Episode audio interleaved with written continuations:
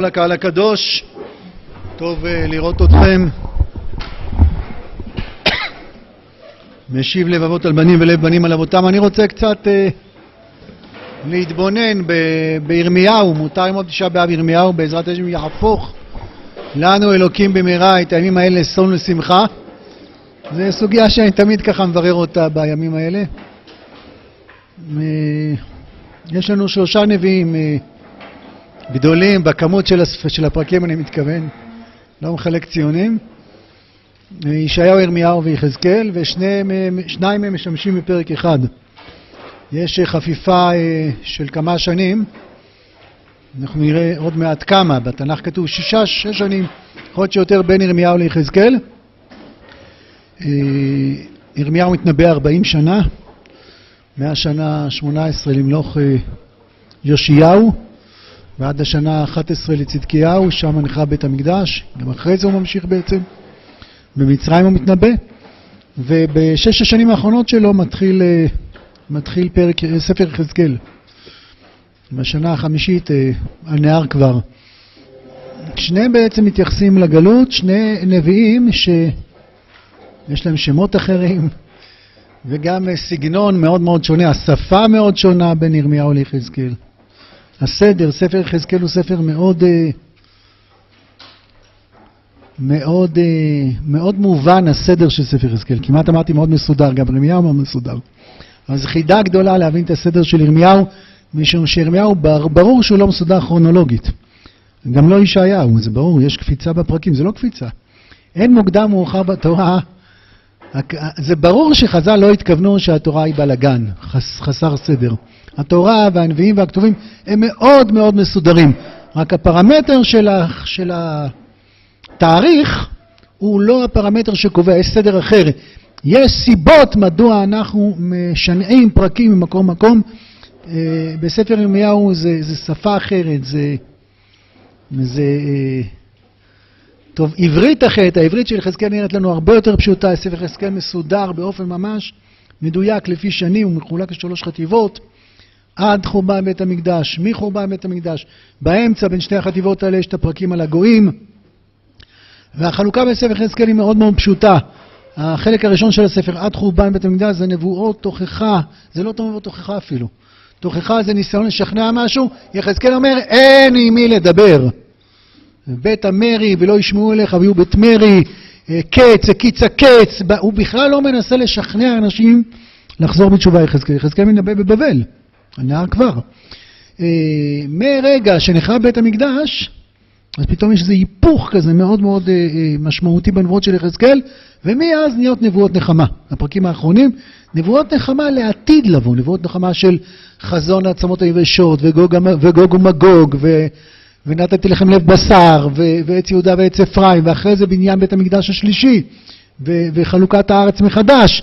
זה משהו עתידי, עתידי, עתידי, זה בסוף בימי בית ראשון, וזה מדבר על, על הבית השלישי, מפורש. בית שני, אומר הרמב"ם בתחילת הלכות בית הבחירה, הוא לא לפי ספר יחזקאל. בית שני נבנה לפי אה, אה, דברים משולבים, שיש בו בית ראשון בית שני. אה, אנשי הבית השני הם אלה שערכו, הגמרא בתרא אומרת. יחזקאל ערכו אנשי, כנסת- אנשי כנסת הגדולה, הם הכירו היטב את הנבואות של יחזקאל, לא צריך לדבר, ולמרות זאת הם החליטו לבנות, מרוח קודש, שם שם נביאים, יש תפקיד אחר, הבית השני זה לא, יחזקאל זה הבית השלישי, הבית השלישי. ישעיהו חי עשרות רבות של שנים קודם לכן, ומדבר גם הוא. אנחנו אה, נעבור את השבת הזאת, בעזרת השם יהפוך לנו השם לששון ושמחה. ואחרי זה יש שבע נבואות של נחמה, שכולם מספר יהושע, ספר, יהוש- ספר ישעיהו. ישעיהו זה המנחם הגדול של, אה, של עם ישראל.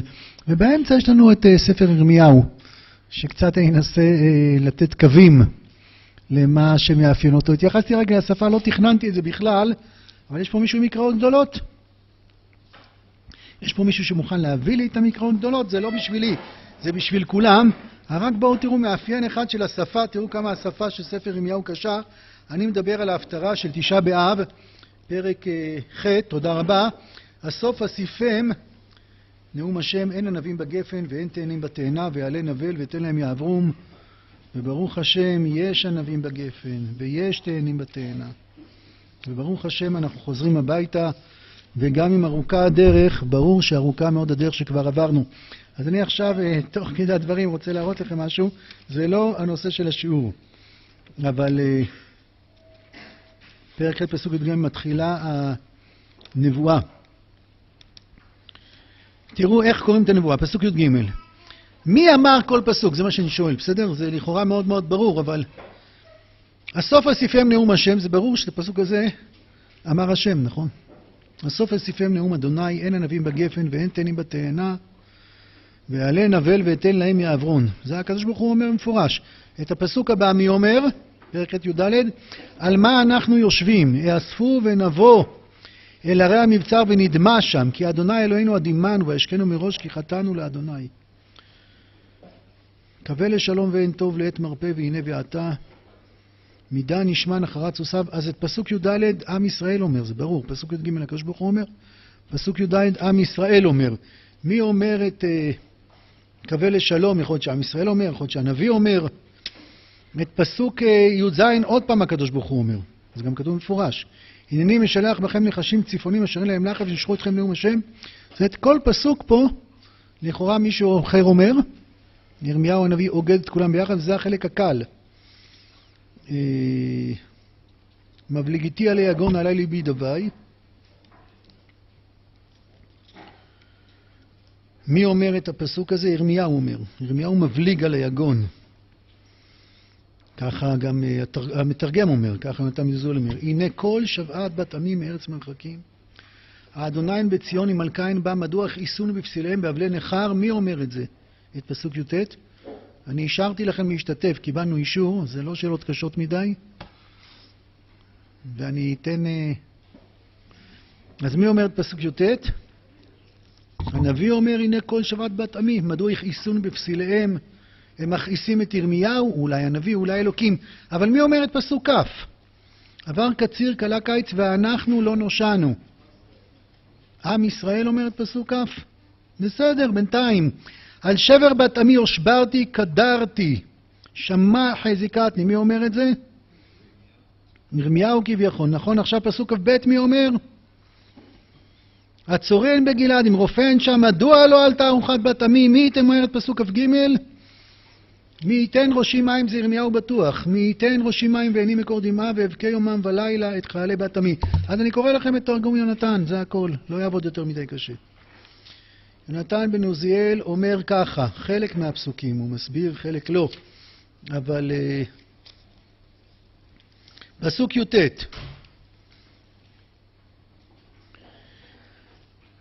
הנה כל שבעת בת עמים מארץ מרחקים, האדוני מציון מלכן בא מדוע יכנסו בפסיליהם ואבלי נכר, הייתי צריך לקרוא את כל הפסוק. מי אומר את הפסוק הזה? מי אומר מדוע יכניסינו? השם אומר, ירמיהו אומר, יונתן בן עוזיאל אומר, הקל צווחת קנישתא דעמי ישראל מערער רחקה, נביאה הוכח יתעון. השכינתה, הוא אומר במפורש זה הנביא, את הפסוק הבא, עבר קציר קלה קיץ ואנחנו לא נשארנו, אומר, אומר התרגום, אמרת קנישתא דישראל. את הפסוק הבא, פסוק כ"א, על שבר בת עמי הושברתי, אמרת ירושלים. מי זאת ירושלים? יש פסוק שאומר את כנסת ישראל, יש פסוק שאומר את ירושלים. גם כנסת ישראל וגם ירושלים זה ביטויים של חז"ל, זה ביטויים קבליים. מי זאת ירושלים? ירושלים יש לנו בתחילת אה, ספר ירמיהו. הלוך וקראת באוזני ירושלים לאמור, זכרתי לך חסד נעורייך, אהבת כלולותייך, לכתך אחריי במדבר בארץ לא זרועה. מי, מי זאת ירושלים שהלכה אחרי הקדוש ברוך הוא במדבר? זה יותר מכנסת ישראל. זה מדרגת חיים מיוחדת שבאה לידי ביטוי בירושלים, כמו שבא נפש החיים מזכיר בתחילת ספרו. העיר ירושלים לא הלכה אחריו במדבר בארץ הזו.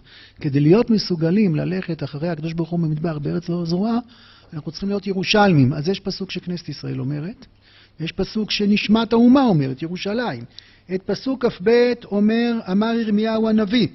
כל פסוק פה, הנבואות של ירמיהו, אני רוצה להגיד שהן מאוד, כביכול, הן מאוד מסודרות, מאוד מסודרות. כמו שהגמרא, אנחנו לומדים פה גמרא. גמרא, מי שחושבים, זה נראה הספר הכי לא מסודר.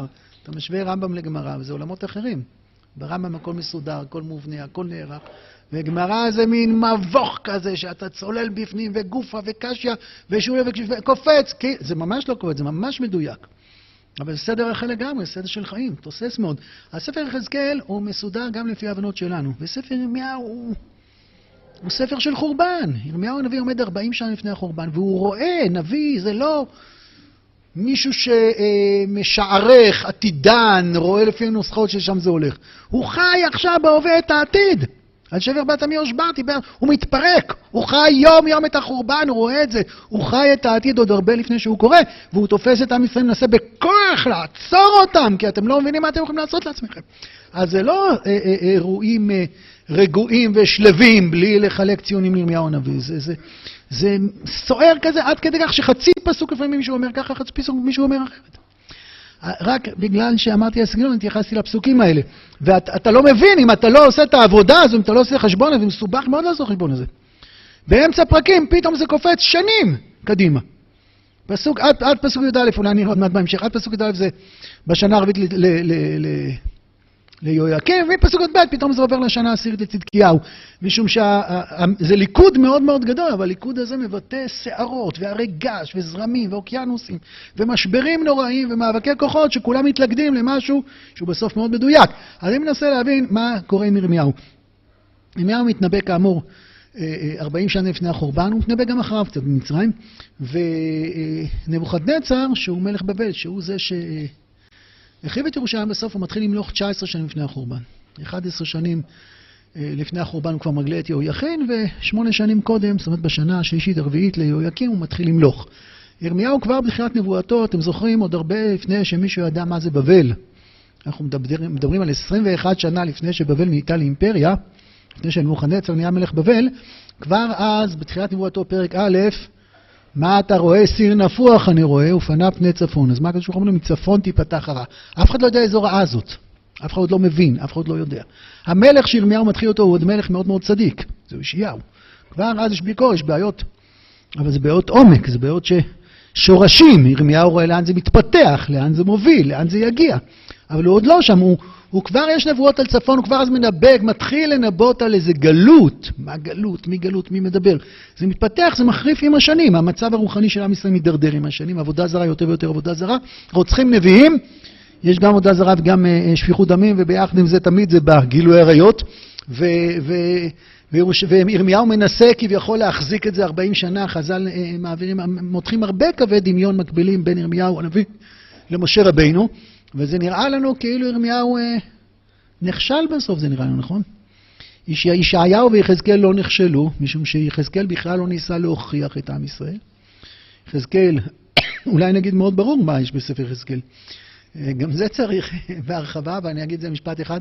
יחזקאל הוא נביא הגלות, יחזקאל יושב בבבל, והתפקיד שלו בבבל זה אנחנו בבבל. יחזקאל מוציא את עם ישראל לבבל, לתלמוד הבבלי. תלמוד בבלי זה לא רק מאות השנים שעם ישראל ישב בבבל, זה התרבות, זה הכיוון, עבודת השם חדשה. אנחנו עכשיו בגלות, אנחנו צריכים להיות בגלות. יש לגלות תפקיד. נגמרה השלב הזה של הנבואה, ועכשיו חכם עדיף מנביא. עכשיו אנחנו הולכים דווקא במחשכים, משם הושיבני, קמטי עולם. עכשיו אנחנו עוברים לשלב כזה, בנו בתים וניטור והתפעלו שלום העיר הזה, גם ירמיהו אומר את זאת. אבל יחזקאל אומר להם, אל, אי אפשר לרפא, השבר הוא כל כך עמוק, שאי אפשר לרפא אותו על נקלה שלום שלום אה, ותחים קרטפל. השבר, כמו שאנחנו יודעים מההיסטוריה, אנחנו עכשיו הרבה שנים אחר כך, אנחנו יודעים להתבונן אחור. השבר הוא כל כך כל כך קריטי, וצריך לבנות את זה מלמטה, לרדת לתאומות היותר עמוקים, ולכן אנחנו יוצאים בבבל, אין, אין, יחזקאל בכלל לא מדבר עם העם היושב בציון, אין מה לדבר איתם. אין לו תקווה. מה, למ, למה יחזקאל כולו נבואות תוכחה בהתחלה? וידעו כי נביא היה בתוכם, כדי ליצור אמון בדברים של יחזקאל כל כך קשה להאמין לו, שמה, שאנחנו צריכים להיות בבבל? שאנחנו צריכים להיות בבבל? בבל כל נביאי השקר, חנניה בן עזור, כל נביאי השקר, אומרים מיד, עוד מעט השם ישיב את כלי... כלי היכל מבבל מיד, ויחזקאל, כדי שעם ישראל יסכים לקבל את זה, אנחנו עכשיו בבבל. בבבל עם ישראל יושב קרוב לאלף שנה. אולי מחורבן בית ראשון זה 1400 שנה, לפחות. ושוב, התרבות הזאת, זאת אומרת, הניסוח של הסגנון של עבודת השם שלנו, זה בבלי. היום הדרך שלנו להגיע להר סיני, הדרך שלנו להגיע לת, לתנ"ך, במשך כל הדורות מחורבן, זה דרך הבבלי, זה השער להשם. משם עם ישראל מתחבר להשם. ולכן יחזקאל, התפקיד הראשון זה וידעו כי נביאה בתוככם, והוא לא, מדבר, לא נותן טיפת סיכוי לירושלים. אחרי שכבר יש חורבן, אז הוא מתחיל לספר להם, אנחנו פה בבבל. וזה יפעל פעולה ארוכה, ארוכת שנים. אני חוזה אלפי שנים קדימה. התוכנית של יחזקאל זה אלפי שנים קדימה, עוד אלפי שנים, ייבנה בית המקדש השלישי. אז יהיה את כל הנבואות של שלב עץ יהודה לעץ אפרים וחזון העצמות היבשות. וזרקתי לכם מים טהורים, ולא למענכם אני עושה, כי למען שמי הגדול אשר חיללתם בגויים, באומרם להם למען שמי אלה ומארצהו יצאו, כל זה איזה חזון למרחוק כזה, אנחנו עכשיו צריכים להיות בגלות. מין מצב שלצערנו התרגלנו אליו, וצריך לשכנע את העם לחזור הביתה, ברוך השם. חלק כל כך גדול נמצא כאן, אבל, אבל יחזקאל בונה את זה. אנחנו עכשיו יוצאים משם, יחזקאל מכניס אותנו, זה בלתי נתפס, זה בלתי... לא עולה על הדעת, איך יכול להיות שעם ישראל יהיה לו בארץ ישראל? זה מוות. גלות זה מוות. ויחזקאל אומר להם, אנחנו עסוקים בגלות, כן, אנחנו נהיה גלותיים. זה נביא שאומר לנו, תהיו גלותיים. צריכים להיות גלותיים. אתם הולכים לעבור תהליך של הקרנות, תהליך של, של, של סוג של מוות, ו, ובחשבון האלוקי, בחוכמה האלוקית, יש ערך, יש טעם, יש איזה משמעות. זה מחזקאל, יחזקאל, אם נגיד בקצרה, הוא מחזק אותנו. הוא אומר, אתם הולכים? יהיה קשה. אתם הולכים עכשיו לתקופה מאוד מאוד קשה, ותהיו חזקים. מתי אתה אומר שהוא תהיה חזק? שהוא הולך להתמודד עם מציאות מאוד מאוד פשוטות, מאוד לא פשוטות. ישעיהו בא מרחוק וזה, ההבדלים בין ישעיהו ליחזקאל, שוב, זה סגנונות אחרים של ספרים וכל מיני אחרים. גם יש אה, שני חלקים בישעיהו מאוד מאוד בולטים. איך ישעיהו מדבר עם, עם ההווה ואיך ישעיהו מדבר עם, עם העתיד מפרק מ' והלאה, וישעיהו זה דני חמתה. ישעיהו בא לאנשים שהם כבר בתוך הגלות, ואומר להם, יש עתיד, יש תקווה, עוד נצא מזה. אני מאמין באמונה שלמה בביאת המשיח, ואף על פי שיתמהמה עם כל זה, אחכה לו בכל יום שבוע. זה ספר ישעיהו. ספר הנחמות הגדול, העתידי הזה, הצפון, זה מה שנותן ליהודי בתוך הגלות הקשה, המרה. יחזקאל אומר, תהיו בגלות. הוא בונה את הגלות, וישעיהו, ישעיהו לפניו, הוא כבר נותן את הכוח הזה, את הכוח הזה של התקווה, שאנחנו נצא מזה, יום יבוא ונצא מזה, יום יבוא ותהיה גאולה. איפה ירמיהו בתוך כל זה? אני מנסה לברר. ואנחנו רואים שיש אה, מחלוקת, אם תרצו, כביכול מאוד עמוקה בין ירמיהו ליחזקאל. אני אסביר. יחזקאל, כביכול, בשנים הראשונות עד החורבן, אין תקווה, הקיץ הקץ. האי אסיר ואנחנו הבשר נגמר, אין, בית המקדש נחרב. הרי זה מה שיחזקאל רואה בחזון, במעשה המרכבה. במעשה המרכבה הוא רואה איך, איך, איך השכינה עוזבת את, את, את בית המקדש. מבחינתו בית המקדש הוא כבר נחרב, נכון? כשנבוכדנצר מחריב בית המקדש, אז אומרים לו, בית שרוף שרפת, קמח טחון טחנת, אין בית מקדש, זה רק האבנים. בית מקדש זה בית, כמו שאנחנו עשויים מחלבונים, ויש בהם רוח, אז בית מקדש עשוי מאבנים, ויש בו רוח, יש בו שכינה. שכינה עזבה, שכינה, המרכבה נוסעת, עוזבת את ירושלים ועוברת לבבל, נוסעת צפונה, ככה יחזקאל אומר. שכינה יורדת בכל צרתם לא צר, הקדוש ברוך הוא בסנה ביחד איתנו בצרות שלנו, האלוקות מתגלה דרך הגלות, זה מה שאומר יחזקאל. אין עכשיו, ירושלים לא, לא עכשיו, תחזור אליה, אבל לא עכשיו. נבנה רציני. מה אה, ירמיהו מתנהל בכל האירוע? אני אנסה לחשוב כמה אני יכול לדחוף בתוך הדקות שיש. אז אני רוצה להתמקד בעיקר בפרק ל"ב, ל"ג. פרק ל"א זה נבואות הנחמה הגדולות של אה, של ירמיהו הנביא, שלעתיד לבוא, כולכם זוכרים את הסוף, של כל ברמה נשמע, נהי בכי תמרורים, רחל מבכה על בניה. היו, ירמיהו מנבא על אה, הנה ימים באים נאום השם. מה, מה אנחנו צריכים... אה, מצא חן במדבר, משרידי אחר ולך להרגיע ישראל, עוד אבנך ונבנית, עוד תיתי כרמים. הנני הביא אותם מארץ צפון וקיבצים מירכתי הארץ, בא מבאר ופיסח אבי הולדת יחדיו. זה, הגלות של ירמיהו דיבר על, על נבוכדנצר הרבה שנים קודם, הרבה שנים קודם. פעם ראשונה שירמיהו מדבר על נבוכדנצר, אם אני זוכר אותו, זה פרק כ"ז. כן, בפרק כ"ז, לא בטוח שפתחתי בעמוד הנכון, כן, פרק כ"ז פסוק א', בראשית ממלכת יהויקים בן יאשיהו מלך יהודה היה הדבר הזה לירמיה מאת אדוני לאמור. בפסוק אה, בפסוק, אה, נו איזה פסוק? פסוק אה, ו' הוא מזכיר. ועתה אנוכי נתתי את כל הארצות האלה ביד נבוכדנצר מלך בבל עבדי. ראשית ממלכת יהויקים זה שלוש שנים לפני שנבוכדנצר תופס את השלטון. זאת אומרת, נבוכדנצר בשלב הזה הוא איזה פקיד במדינה לא רצינית מדי, שנקראת בבל, וכבר אז ירמיהו קולט אותו, מנבא אותו, יודע ברוח השם מה התפקיד שלו, אומר עוד שלוש שנים הפקיד שאולי אף אחד לא הכיר אותו. הולך להיות אה, אה, מלך בבל, והוא יהפוך את בבל למעצמה, והוא אה, ישתלט על הכל, זו הפעם הראשונה, לא לפי סדר הפרקים, לפי הסדר הכרונולוגי של נבוכדנצר, ורואים איזה תהליך כזה, שלאט לאט ירמיהו מנבא שתהיה גלות, ויהיה פיזור, ויהיה... ויהיה כל מה שיהיה, גם ירמיהו מנבא את זה. כשהוא מנבא את ספרי הנחמה, את, את, פסוק, את פרקי הנחמה הגדולים האלה שאמרתי לכם, פרק ל' ול"א, אז הם מסתיימים ב... במכירת השדה, קראנו את ההפטרה הזאת, נכון? בפרק אה, ל"ב.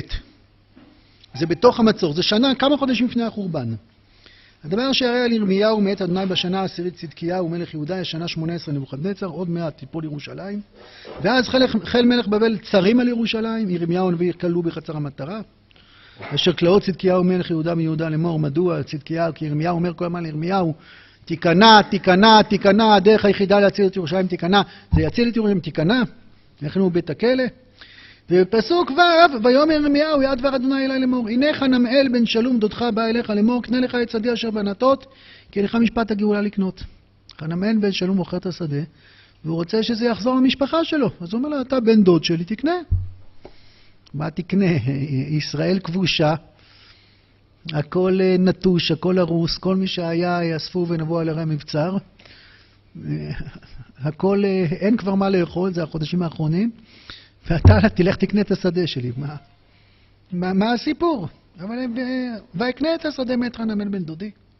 ויכתוב בספר ויחתום ויעד עדים וישקול הכס במאזניים ויקח את ספר המקנה ואת החתום ויש פה את כל הפרוצדורה ובסוף, פסוק י"ד כה אמר אדוני צבאות אלוהי ישראל, לקוח את הספרים האלה את ספר המקנז ואת ספר חתום ואת ספר הגלוי, נתתם בכלי חרס, למען יעמדו ימים רבים.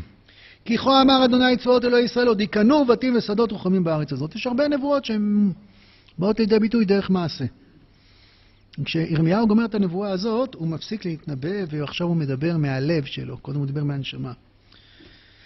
ויתפלל אדוני אחרי תיתי את ספר המקנה לברוך בן יריה לאמור, אהה אדוני אלוהים. הנה אתה עשית את השמיים ואת הארץ בכוחך הגדול וזרועך הנטויה.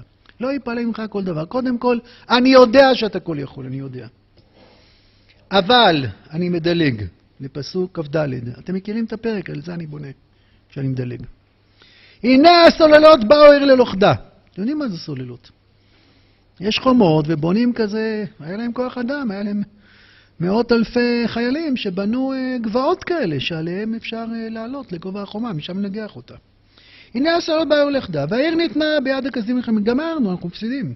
מפני החרב והרע והדבר, יש כבר מגפות. ורבים חללים מפילה ועצרים כל הורגיה. ואשר דיברת היה בנך רואה. ואתה אמרת אלי, אדוני אלוהים, קנה לך השדה בכסף והעד עדים, ואין ניתנה ביד כסדים. מה זה אני קונה שדה ושומר את השטר עוד יקנו? הסיפור גמור, אומר ירמיהו, נגמר. אנחנו רואים בעיניים, זה הדקות האחרונות.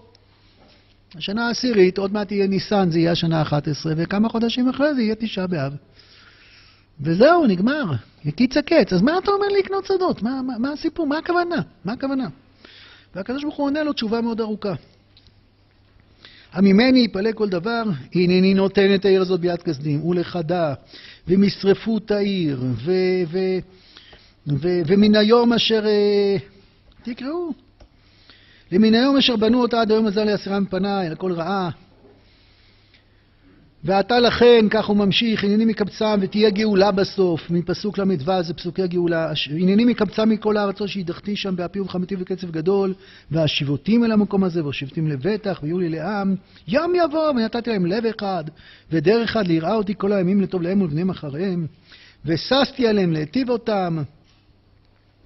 ובסוף הוא אומר, ובעתיד לבוא, כשתבוא הגאולה, ונקנה השדה בארץ הזאת, שאתם אומרים שממה אם אין אדם ובהמה, שדות בכסף יקנו, וחתום בספר וחתום ועד עדים בארץ בנימין וסביבי ירושלים, ובערי יהודה ובערי ההר ובערי השפלה ובערי הנגב, כי ישיב את שבותם נאום השם. הוא לא ידע ש... הוא כן ידע. אנחנו לא ידענו. אם היו מספרים לו כמה עולה דירה בישראל, אז הם היו אה, מרוצים. נפגשתי פעם עם ה... צוות של שגרירות שווייץ. אז אחת העובדות שם, היא אמרה, מישהו שאל איפה גר, אמרה, הייתי מאוד רוצה לגור בתל אביב, אבל זה כל כך יקר שם, אני לא יכולה. אמרתי, איפה היא גרה? היא גרה כבר לא זוכר, ז'נבה, אז היא אמרה, הרבה יותר זול בז'נבה. אז ברוך השם, הנדל"ן פה... מה? היוקר יאמיר. יכולה לא לקנות בקריה דירה, אתה אומר. אבל גם פה זה עולה לאט לאט. זה לא כך נעים המחירים של הדירות, אבל מה, המחיר של נדל"ן זה האינדיקציה, אחת האינדיקציות הכי עמוקות לאמון של אנשים במדינה הזאת. בסוריה זה יותר זול, אתם יודעים. מי שרוצה יכול לקנות שם כמה שכונות די בחינם. אז אה, עוד יקנו שדות, ברוך השם, קונים שדות. ברוך השם, האדמה פה יקרה באמת, אבל גם כלכלית היא יקרה. אז עברו אלפי שנים, ו... אבל מה ירמיהו שאל? אני רוצה לשאול, מה ירמיהו שאל ומה השם ענה לו? ירמיהו ידע, והוא ניבא את זה כבר הרבה פעמים קודם, קראנו פרק ל"א, ל"ב, שתהיה גאולה והשיבותי מארץ צפון, תהיה גלות, אה, ויהיה אחרי זה קיבוץ גלויות, והשיבותי מזרע אדם וזרע בהמה. ירמיהו יודע שיש גלות ויודע שתהיה גאולה, אז מה הוא אומר לאלוקים? אה, אה, השם אלוקים הסעולות באו אליך לכדה ואתה אמרת חתקתו בספר חתום. מה השאלה שלו? השאלה שלו היא, מה, אתה מדבר על זה שעוד שלושת אלפים שנה עם ישראל יחזור לארץ ישראל? עוד שבעים שנה הוא יחזור לארץ ישראל? זה לא מה שהתכוונת, כי אתה אומר לי לקנות ולשמור את השטר, ירמיהו כבר לא ייהנה מהשדה הזה. ירמיהו כבר באחרית ימיו, הוא זקן, הוא יורד למצרים, ו- ו- ומתעללים בו, ובסוף הוא חוזר ומת ונקבר בארץ ישראל, שנים, עשרות, רבות של שנים לפני בניין הבית השני. הוא עצמו לא יחזור לענתות להשתמש בשדה הזה. אז מה הקדוש ברוך הוא אומר לו? יש אפשרות אחת שזה משהו לעתיד לבוא, אז זה כבר ירמיהו יודע. ירמיהו מתפלא, אהה, השם אלוקים, איך זה יכול להיות שאמרת לי לקנות את השדה מחנה מישהו? ומה אלוקים אומר לו? אלוקים היה יכול להגיד לו, בעצם התחרטתי, בעצם הבבלים לא יבואו לעיר, אבל הם כן באו לעיר, הוא אומר את זה, אנחנו גם יודעים את זה, הוא אמר את זה. אז מה, יש, יש לירמיהו איזה קושייה, מה אלוקים עונה לו? בינותי בפרשנים, חיפשתי, אני כתב לא מצאתי תשובה ברורה בהם. אני מקווה שאחרי מה שאני אגיד זה כן תהיה איזו תשובה ברורה בהם. אבל, אבל מה באמת קורה? ירמיהו אומר, יהיה חורבן, יהיה חורבן. תראו, בניגוד ליחזקאל, וזה הייתי צריך להוסיף, יחזקאל אומר, אין לכם מה לחפש בארץ ישראל, וירמיהו כל הזמן אומר, אנחנו נשארים בארץ ישראל. אין שלטון, תיכנעו למלך בבל, אבל תישארו בארץ ישראל. גם אחרי חורבן הבית, כשנשאר גדליה בן אחיקם, ירמיהו מאוד מעודד אותו להישאר. וגם אחרי שנרצח גדליה בן אחיקם, גדליה בן אחיקם זה שארית הפלטה. שארית הפלטה. כשגדליה בן אחיקם נרצח, איך אומר הרמב"ם? כבתה גחלת ישראל הנשארת. הייתה אש כזאת גדולה של כנסת ישראל, נשאר איזה גיחל הומה וגם אותו רצחו. אז לא נשאר כלום, נשארו מתי מעט, מתי מעט. וירמיהו אומר להם, שואל מה לעשות, אומר, תישארו פה, הכל יצמח, תישארו פה, והם לא מאמינים, כי הכל מוות והכל פגרים והכסדים מכים, אז הם מכריחים אותו, יורדים למצרים. ובמצרים הוא מנסה לשכנע אותם לחזור.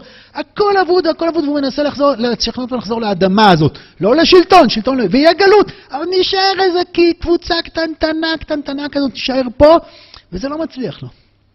אז הכל גלוי, הכל ידוע, מה אתה מתפלא? כן, מה אתה מתפלא?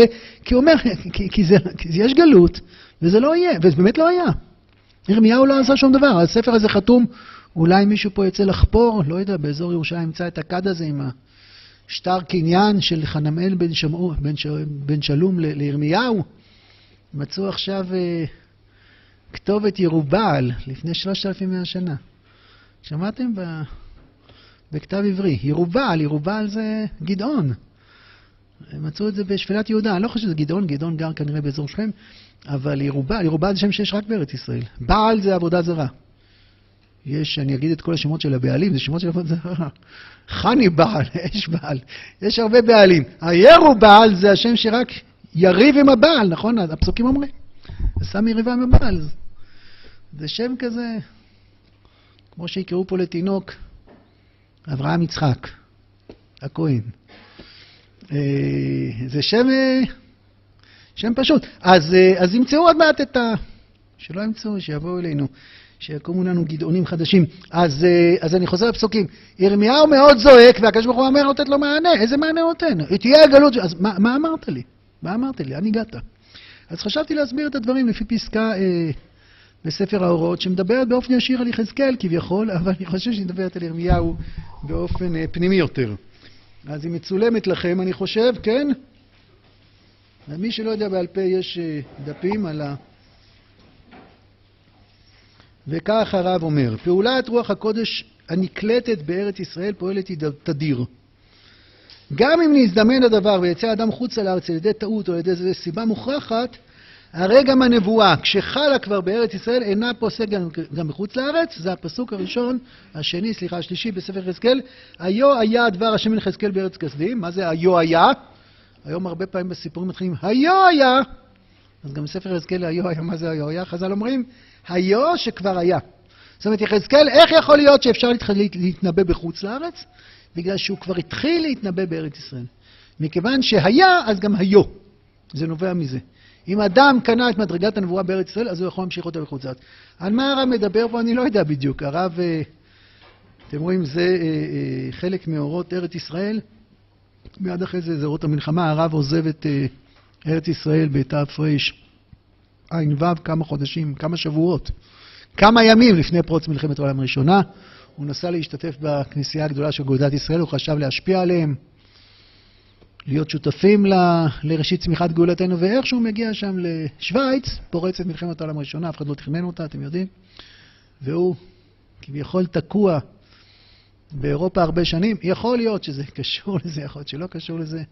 זה נשמע קצת המנגינה, אבל האמת הזאת תמיד נכונה, שמה שגם אם נזדמן הדבר ויצא אדם חוץ לארץ לטעות, או על איזה סיבה מכרחת, אז הוא נשאר, באיזה צורה הוא נשאר בארץ ישראל? הוא יכול באיזו צורה בכאילו, כאילו זה לא באמת, ממש לא. ציין אומר איש, ואיש יולד בה, אחד הנולד בו אומרת הגמרא, ואחד המצפה לראותה. הקשר לארץ ישראל, ארץ ישראל היא דבר גשמי ששוכנת בו אמת גדולה. ולכן הקשר אל משהו אמיתי הוא לא רק פיזי, הוא בעיקר קשר של געגוע, קשר של חיבה, והוא נוצר בקשר אמיתי. קשר געגוע, קשר אמיתי באמת. ולכן מי שכבר בנה את השייכות לארץ ישראל, לשנות השייכות ישראל, שתתחדש הנבואה בעזרת השם, אז היא אינה פוסקת בארץ ישראל. שפעת, זה הפסוק שיחזקאל מדבר על יחזקאל, ואני חושב שמפה אפשר להבין את מה השליחות של ירמיהו. מה שאל ירמיהו ומה הקדוש ברוך הוא עונה לו. אז המילים פה הן מילים מאוד גבוהות, ואני לא אסביר כל אחד, גם אני לא יודע להסביר כל אחד וגם קוצר הזמן, אבל את המנגינה אני אנסה לשמוע ואני אקח את הדגשים שנוגעים אלינו. שפעת הקודש שהותחלה בארץ ישראל, אם זה נצמח מתוך ארץ ישראל, טוב, אני אקריא בלי להסביר. מלקטתי את כל בירורי הקודש הנמצאים בחוץ לארץ בכל המעמקים ומקרבתם בכוחה המושך אליה. כל מה שקשה יותר לסבול את אוויר חוץ לה לארץ. כל מה שמרגישים יותר את רוח הטומאה של אדמת טמאה. זאת אומרת, כשאדם מגיע לחוץ לארץ והוא uh, מרגיש לא טוב, מרגיש איזה גועל פנימי, מרגיש גועל פנימי כי, כי הוא מתגעגע לארץ ישראל, כי הוא לא מרגיש שם... אה, כי הוא שייך לפה, הוא שייך לארץ מכורתו, הוא צריך לנסוע. יש לו כל מיני סיבות חשובות ויש לו כל מיני סיבות מבורכות. יש הרבה סיבות שבגללם מותר לנסוע בחוץ לארץ, אבל זה פחות נופש בשבילו, נקרא לזה ככה. הוא מרגיש, חז"ל גזרו טומאה על ארץ העמים. אנחנו לא יודעים אה, אה, את הגדרים של טומאה, אנחנו פה אה, בגדרים יותר חמורים, אנחנו בטומאת מת. אבל זה לא איזו גזירה פיקטיבית חיצונית, יש משהו בארץ ישראל, אנחנו התרגלנו אליה, אנחנו לא... נולדנו בה, ברוך השם רובנו, לא כולם זכו לעשות עלייה. אבל, אבל זה, יש משהו שעדינות רוחנית יותר, נסתרת פנימית. אני לא באתי להסביר את זה, אבל אם לאדם קשה יותר, הוא לא מרגיש נוח בחוץ לארץ.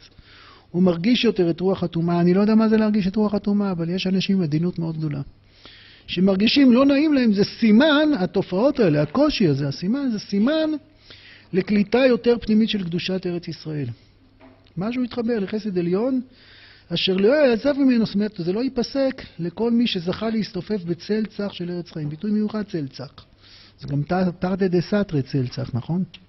צל זה חושך וצח זה אור. זה כתוב בספר שמואל, ששמואל, כששאול חיפש את האתונות, וכששמואל פוגש אותו, אז הוא אומר שהוא יפגוש שני אנשים שבאים מקבר רחל, איפה הוא יפגוש אותם? בצל צח, עוד לא הייתה ירושלים, ושם קראו לה צל צח, ככה הנביא קורא. זה משהו חומרי שהוא רוחני, זה הכוונה. הוא צל, אבל הוא צח. אז הוא ירגיש את זה, הוא יתחבר לזה גם בהתרחקו ונודו, גם בגלותו וארץ נדידתו. אנחנו רוצים להרגיש את האווירה של הפסקה, ואז אני אחזור לירמיהו. הזרות שמרגישים מחוץ לארץ, אם מישהו מרגיש, אם מישהו זוכה, אם הוא כבר שם, הוא זוכה להרגיש שהוא לא בבית, למרות שיכול להיות שיש שם נופים יפים ו... סיבות חשובות, אבל אם אדם זוכה להרגיש זרות בחוץ על הארץ, היא מקשרת, הזרות הזאת מקשרת יותר את כל חשק הרוח הפנימי לארץ ישראל קדושתה. הגמרא בכתובת אומרת שאחד מיני הוא כתרי מינן, ואחד מינן דעתי לאט הוא כתרי מיני הוא. הכוונה שהאדם בארץ ישראל, במאמצים הרוחניים שהוא משקיע, בארץ ישראל ובבבל, אז הוא זוכה לפי שתיים, אחד מינן וכתרי מינן. אבל אם מישהו מחוץ לארץ עולה לארץ, אז הוא נהיה פי שתיים מאיתנו, זאת אומרת הוא נהיה גדול פי ארבע. מי שעושה עלייה, אז הוא, אז הוא חבל על הזמן, כמו שאומרים. בטח אם הוא בא מארץ שבעה ומדושנת עונג, אבל הוא בכל אופן מרגיש. וצריך אה, להתמלא בהערצה לזה, יש פה הרבה הרבה בתוכנו שאיך אומרים עשו עלייה, ו... ו... וצריך לזכור מה הם באמת. הציפייה לראותה מתגברת, ציור חקיקת אה,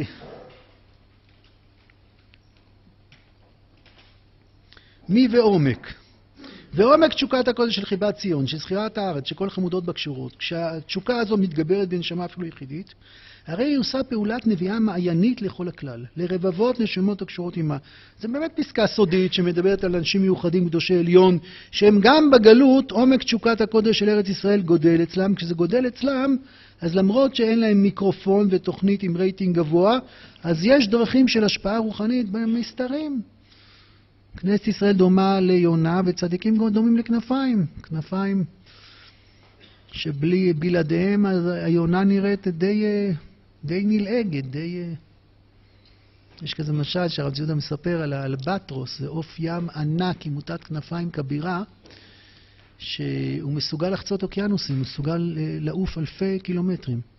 אבל אם הוא נפצע או נחלש, כשהוא מעל אוקיינוס, יש אה, אלף קילומטר מכל כיוון, אין איפה לנחות, אז אין לו ברירה והוא נוחת על אוניות.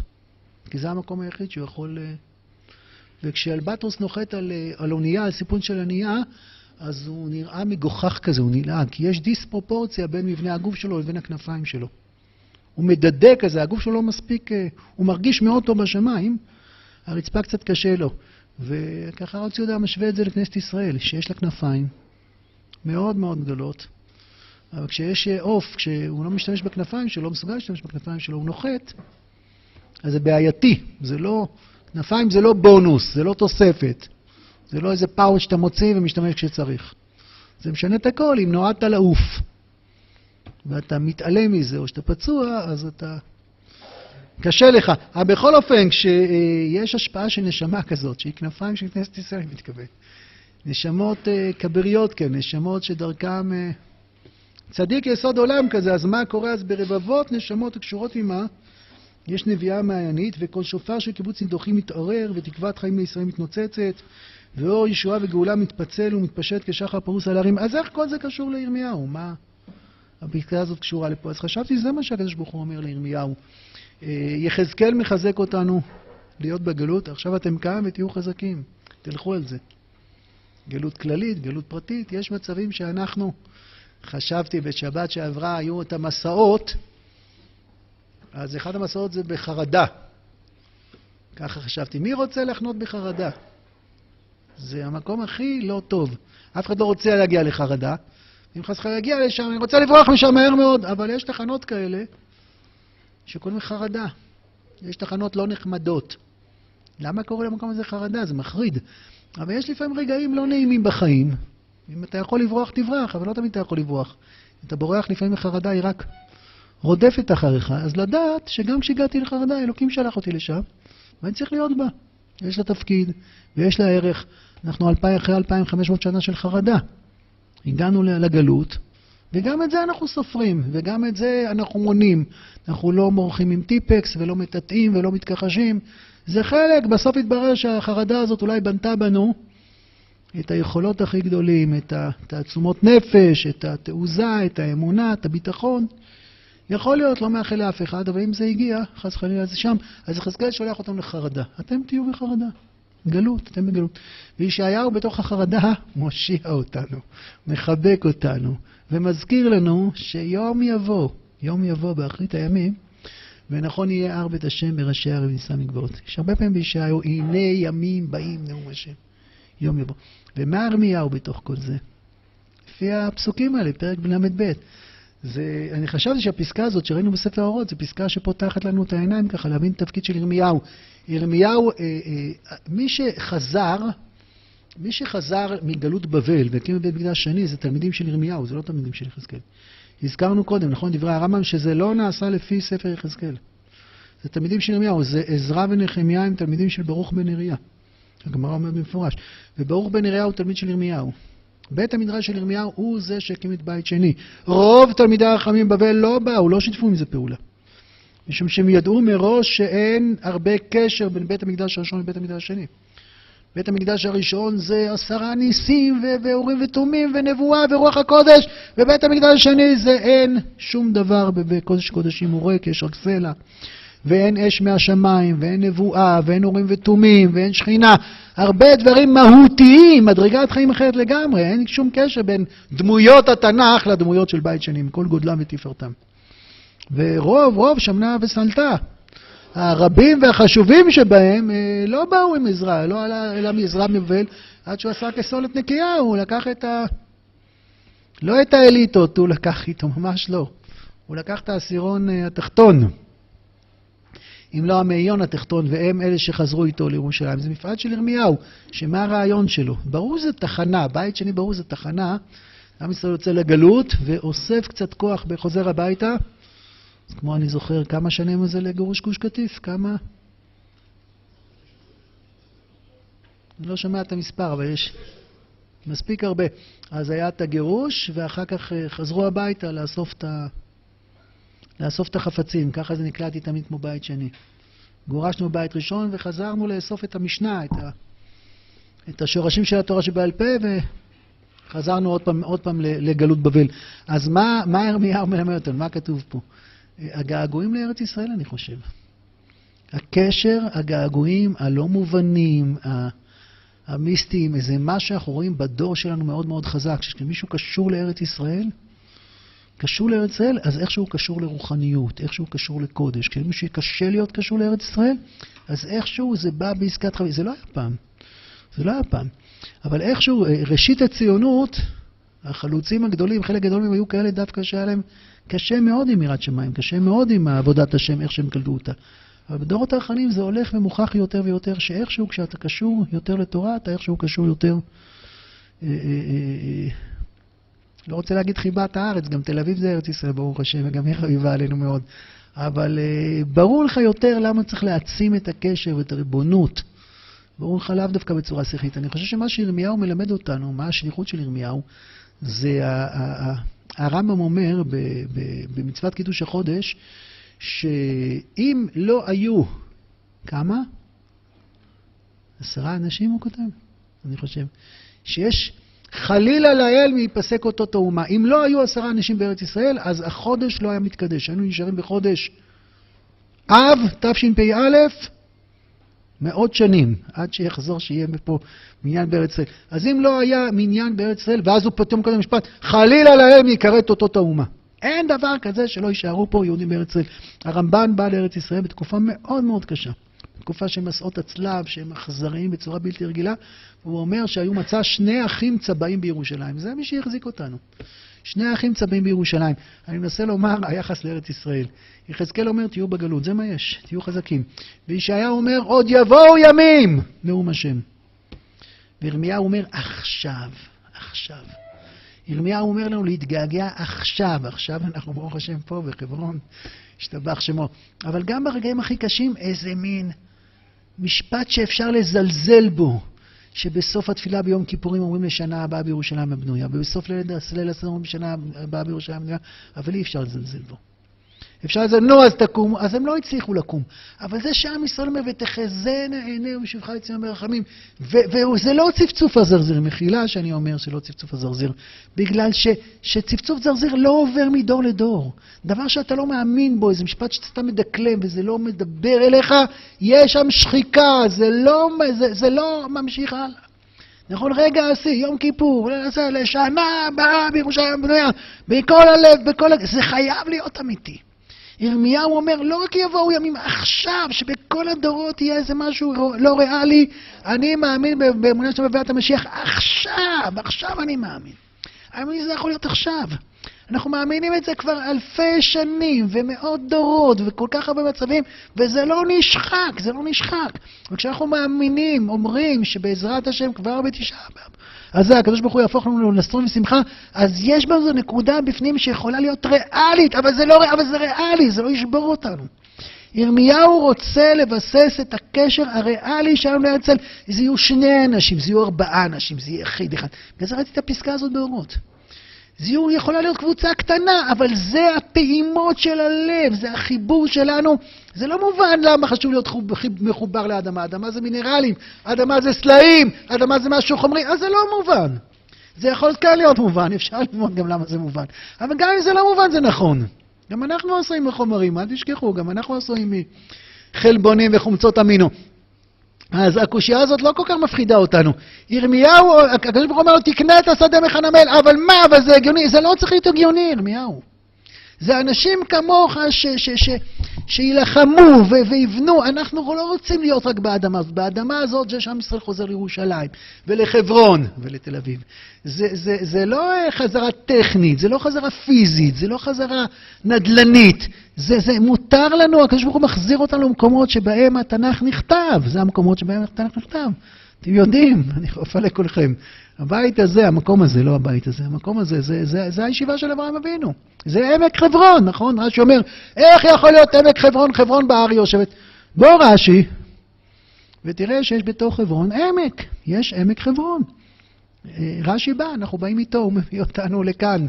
זה, זה, זה לא אה, אה, טכנית, הטכניות הזאת, אנחנו נטעתים על אדמתם, עם ישראל יושב פה. וכשהוא יושב פה, פה בכל החבר אצל קורים, קורים תהליכים נש... נשמתיים, נפשיים, עמוקים מני חקר. וכשאנחנו יושבים פה בחברון, לא הגענו לפה בגלל הנוף, וגם השכנים לא תמיד מוצאים חן בעיניי, סליחה על ה... חלק מהם מוצאים חן מאוד. אבל חלק קצת פחות, או שאני לא מוצא חן בעיניהם. זה, אה, איכות האוויר, דרך אגב, פה היא מאוד נקייה, כי אין פה פליטה של, אה, של גזי חממה. אבל אה, חוץ מזה אני כבר רגיל לפה, זה הבית שלי. אבל לא בגלל זה באנו, באנו לפה, אני חושב, שבעת שווה חברון, היישוב יהודי, אנחנו מרגישים את עצמנו שליחי ציבור כאלה. אם אנחנו פה, אז המדינה פה. אם אנחנו פה, עם ישראל פה. זה תלוי בזה שאנחנו נראה את עצמנו כשלוחים. איך אנחנו יכולים להיות שלוחים של מי שלא שלח אותנו? איך אנחנו יכולים להיות שלוחים של מי שלא תמיד מוחא לנו כפיים? כי אנחנו שומרים על החוק. ואנחנו אוהבים את המדינה. אנחנו לא שומרים על החוק, אנחנו אקסטרה, סופר שומרים על החוק. אנחנו מהדרים בזה, אנחנו גם שולחן ארוך סופר מהדרים. אנחנו שומרים על החוק ואוהבים את המדינה ושותפים שלה ונאמנים אליה, וזה מכריח את עם ישראל להיות פה. וכשעם ישראל פה, זה יכול להיות שאנחנו מעט, אני לא חושב שאנחנו מעט. אבל, אבל, וגם כשמישהו שותל, שותל את חלק מחייו, הוא בא לאיקס שנים פה, בחברון, כל מקום ארץ ישראל, זה עושה משהו, זה עושה משהו, יש כאלו יגידו מיסטי, יש כאלו יגידו נסתר, ואפשר אולי גם להגיע לזה, זה נגלה. זה לא פועל מיידית, זה כמו המשל הזה של רבי יהודה הלוי, עם הכרם שנוטעים אותה במקום הנכון שלה. אז אנחנו חוזרים לארץ ישראל ואומרים תודה. אבל אנחנו בתוך uh, שלושת השבועות, בתוך תשעת הימים, אנחנו מתקרבים, איך אומרים, לישורת האחרונה. והלב יותר נפתח ומצליח יותר לכאוב, ומצליח יותר להרגיש, ומצליח יותר להבין. ובימים האלה אה, אה, אומרים תודה, אבל בימים האלה עסוקים יותר במה אין, ובריאליות של זה שזה יכול להגיע, ואולי אפילו בזה איך שזה יכול להיות לא מגיע. והכאב כבר יכול יותר לגעת בלב, ויותר להיות כנה ולהיות אמיתי. אז אנחנו באמת מודים על כל הטוב, אבל אנחנו רוצים עוד. ואנחנו אוהבים אותך מולדת לא בגלל שנולדנו בך, בגלל שזאת הארץ אשר השני השם אלוקיך בה. זה לא שיעורים שמדברים ככך, זה לא בא... יותר נעים לדבר על הנפש ועל החיים, אבל ככה אנחנו פה, מה לעשות, אנחנו מדברים גם על הנפש ועל החיים. אבל הימים האלה זה ימים שיהפוך לנו השם לששון ושמחה. למה יהפוך לששון ושמחה? כי יש כוח בימים האלה לחבר אותנו למקדש, לחבר אותנו לתקווה, לחבר אותנו לגאולה השלמה. אז זה סוג של חג, קרא עליי מועד לשבור בכורה. לא אומרים תחנון בתשעה באב, אתם יודעים. זה יום כואב מאוד, אבל זה כאב שמח, לא שמח במובן המצחיק, שמח במובן של מדרגת חיים עליונה, אנחנו מצליחים, מצליחים לגעת במקדש הפנימי שבתוך הלב, אם נוגעים בסדקים כאלה זעירים, נוצרים בטיט שמכסה לנו את העולמות הפנימיים, וכשזה נוגע בעולמות הפנימיים, אז זה יכול גם אה, לייבא את מה שבחוץ, והגעגוע הזה הוא זה שבונה את ירושלים, הוא זה שבונה את עם ישראל, והוא זה שמעניק את התקווה. גם לפעמים לא ריאלי, כמו אה, ירמיהו שצריך לקנות שדה מחנמאל בן שלום. יהיה או לא יהיה, זה פחות משנה, זה מאוד משנה. אבל הרבה יותר משנה שאנחנו מאמינים שזה יכול להיות. בכל יום שיבוא, שנזכה לגאולה שלמה, תודה רבה לכל ההורים, שבת שלום.